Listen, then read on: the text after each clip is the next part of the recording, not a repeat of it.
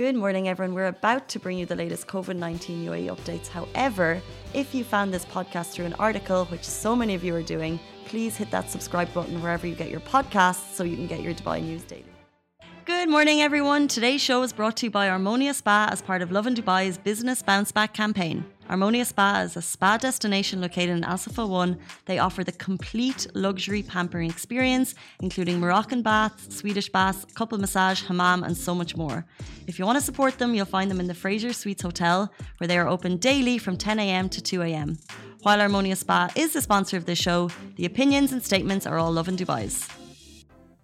Good morning, Dubai. How are you doing? Happy Tuesday. Welcome to Lovin Daily, where we take you through the top stories. Have you seen this super cool graffiti that's popped up all over City Walk? We're going to be talking about that. We're also going to be talking about Eid celebrations in an Irish football stadium.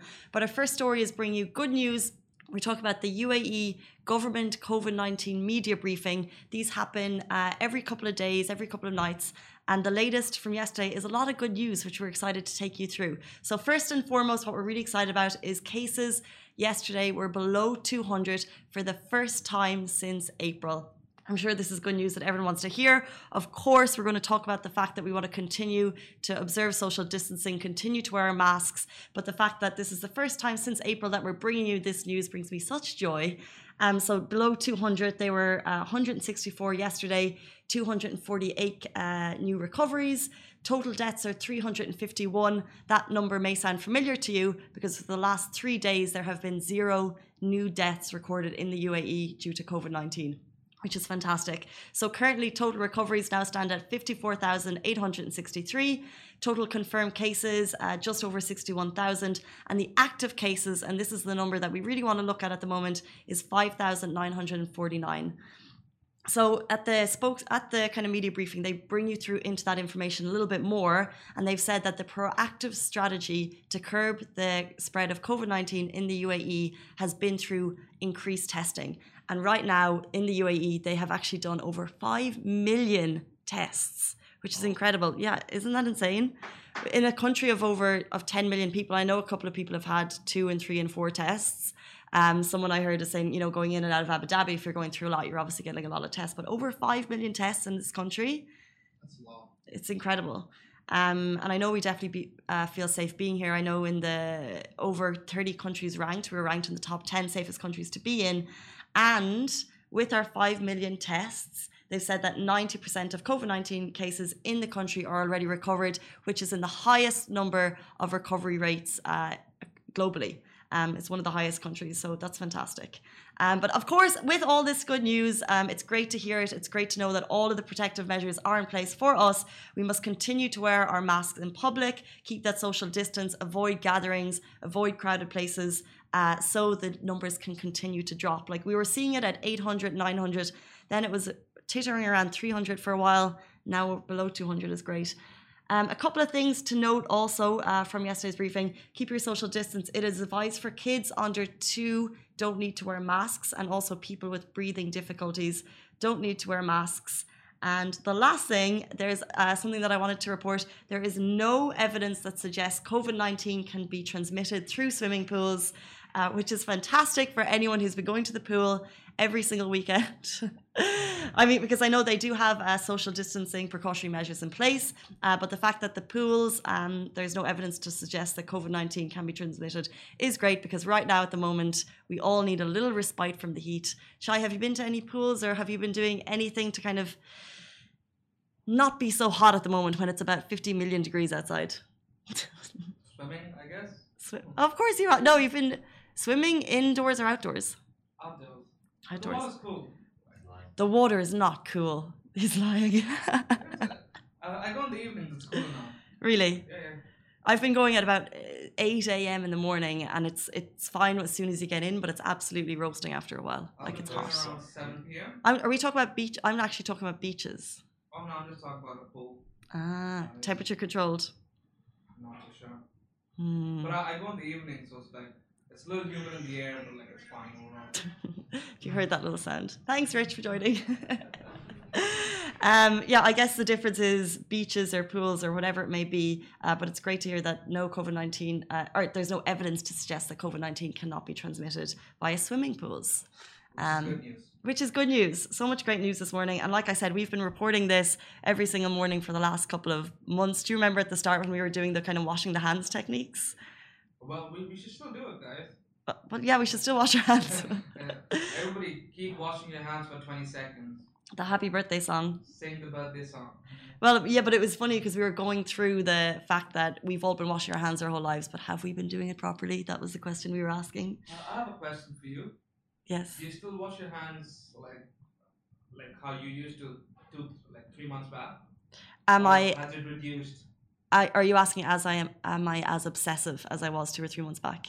Exactly. So before COVID, I'll admit I probably wasn't doing the full 20 seconds of the happy birthday song.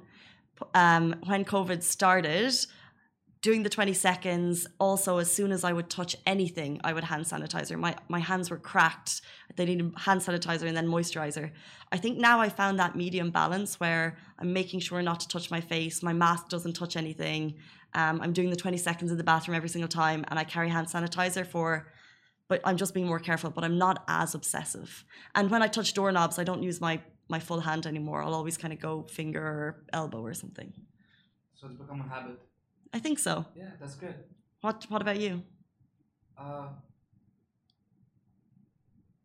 I haven't been as intensive as I was like three months back. Mm.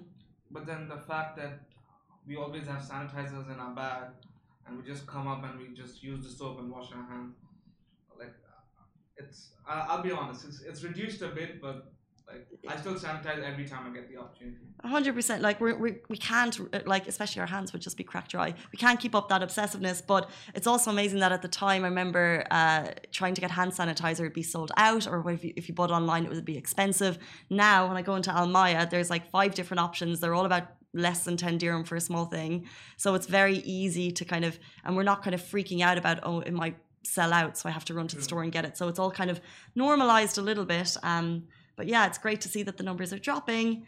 And yeah, like I said, if you're just joining, zero deaths recorded in the UAE in the last three days, and only 164 cases uh, were recorded yesterday in the UAE, which is the first time it's been below 200 since April. So we're very happy about that. We're going to take a short break. We'll be back with you after this message. Help us to support businesses affected by COVID 19 through our Lovin Business Bounce Back campaign and share your favourite businesses with us at hello at lovindubai.com or DM us on our Lovin channels, Facebook, Insta, or Twitter. But we'll move into our next story, guys. Eid celebrations happened at Ireland's largest football uh, stadium, and it's sending a message of tolerance. So this is a really cool story. Uh, I'm quite proud to bring it as an Irish person. Um, so obviously, with COVID nineteen happening, uh, large-scale prayers at mosques were banned in Ireland. So what happened was uh, someone reached out to Croke Park, which is the kind of the national Irish stadium. Uh, it holds 82,000 supporters. It's the biggest sporting arena in the country, and they asked if they could perform Eid prayer there for the first time. It would be the first time that Muslim prayer has ever happened there. And of course, apparently, uh, they accepted without even um, taking a moment to think about it. And then we saw these amazing photos and videos go viral of Eid prayer happening there. We also saw a couple of people playing hurling, uh, which is, if you know that, it's like it's actually one of the fastest sports on the planet. Do you know hurling? Do you know what hurling? What it? It is. It, I think it's one of the fastest sports with a ball on the planet. So you have a long uh, camogie. I'm going to get this so wrong. You have a camogie and a sliotar. So camogie is like a long wooden bat with kind of like a flat pad at the end. Then you have a sliotar, and you have to like thump it over. And the the goals are like a rugby rugby style Ah. goals. So it's like And you're cricket meets rugby. yeah because there's contact it's it's it's like really really fast to watch um it can be so aggressive. It's a great sport. And we actually saw people playing camogie on the or people playing hurling. Camogie i just realized why i'm saying camogie. Camogie is the what they call the girls version of hurling. So i'm just saying words now.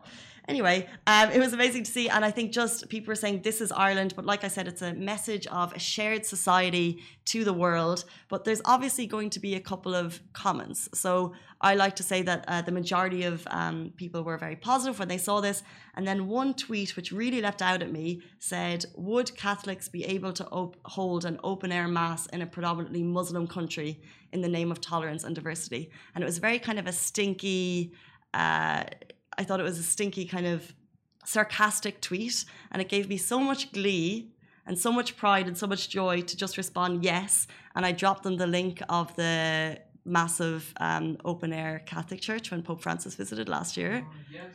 It was so great. Like there were so many links next to it, and I was so happy to just be like, yes, the very same thing has happened on a much bigger level in Abu Dhabi in the UAE, which also promotes a message of tolerance and inclusivity, and it was just great. Yeah, he didn't respond, that guy, but he saw.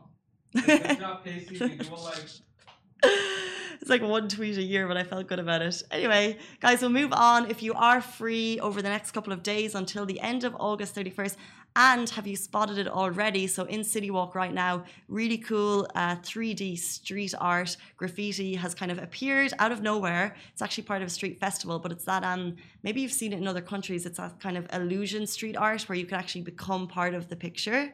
Have you seen it in other countries? And it's beside us here. Um, you can check it. It's a collaboration between uh, Brand Dubai and Meraas, and it's in City Walk. And they've basically transformed the neighborhood into a giant canvas. This is very cool. Uh, they had a couple of acti- uh, activations happening over the weekend. It's local artists are doing it, international artists are doing it. There's actually a Guinness World Record breaker. His name is Juandres Vera. He has come to the festival, so he's doing his art, which has actually appeared in museums and in galleries around the world, and it's on the street in City Walk right now course, it's all free to check out. It's there until August 31st. So if you're looking for an activity, and of course it's outside, Chai, what do you think you reckon your kind of tolerance for the heat is right now, time wise? Like walking to work, you can do, could you do 10 minutes, an hour, two hours? uh, in the evenings, yes, about an hour, Mm-hmm. like post six o'clock.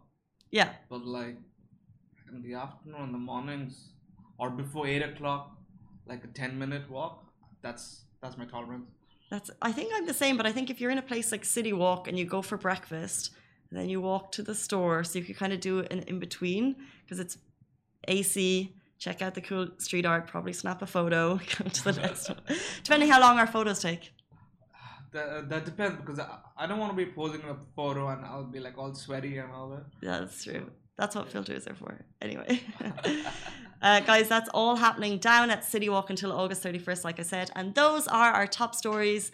Um, if you have any questions, drop them in the comments below and we'll get to them after if we can. Hope you have a great day. Stay safe. Wash your hands. See you soon. Bye.